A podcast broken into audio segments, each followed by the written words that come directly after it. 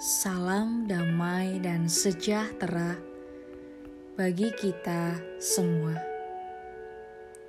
Saudara yang terkasih, hari ini kita akan bersama-sama merenungkan firman Tuhan yang diambil dari 2 Korintus 5 ayat 20 sampai 2 Korintus 6 ayat 1.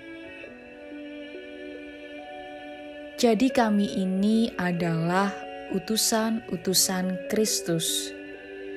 Seakan-akan Allah menasehati kamu dengan perantaraan kami. Dalam nama Kristus kami meminta kepadamu, berilah dirimu didamaikan dengan Allah. Dia yang tidak mengenal dosa telah dibuatnya menjadi dosa karena kita supaya dalam Dia kita dibenarkan oleh Allah. Sebagai teman-teman sekerja, kami menasihatkan kamu supaya kamu jangan membuat menjadi sia-sia kasih karunia Allah yang telah kamu terima. Tanggung jawab atas anugerah Allah. Kalau kita merasakan dengan benar kasih anugerah Allah sungguh tidak terhingga di dalam kehidupan kita. Tidak pernah henti-hentinya dan tidak pernah habis-habisnya kasih anugerahnya di dalam hidup kita. Paulus dalam bacaan kita juga mengharapkan kepada jemaat di Korintus memahami bahwa kasih Allah begitu besarnya kepada manusia yang berdosa, sehingga mengutus Yesus Kristus menjadi pendamai antara manusia yang berdosa dengan Allah yang suci. Bahkan pendamaian itu terjadi tanpa memperhitungkan dosa-dosa manusia.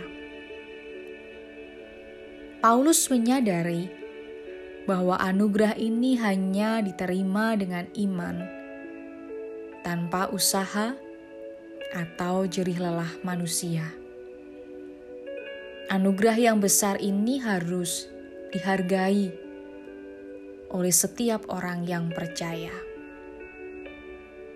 Maka ada tanggung jawab kita ketika menerima anugerah terindah tersebut dengan hidup di dalam kebenaran. Bagaimana?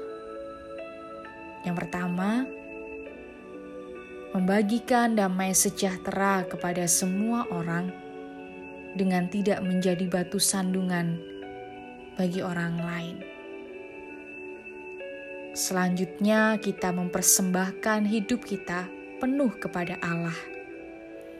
Tujuan kita hidup adalah untuk kemuliaan Tuhan Allah. Dan yang terakhir, sabar, berserah, dan percaya kepada Tuhan Allah di dalam menghadapi setiap persoalan yang terjadi di dalam kehidupan kita. Inilah tanggung jawab kita ketika kita menerima anugerah terindah dari Allah yang tanpa kita harus mencarinya. Bertanggung jawablah atas kasih anugerahnya bagi kita. Tuhan Yesus memberkati. Amin.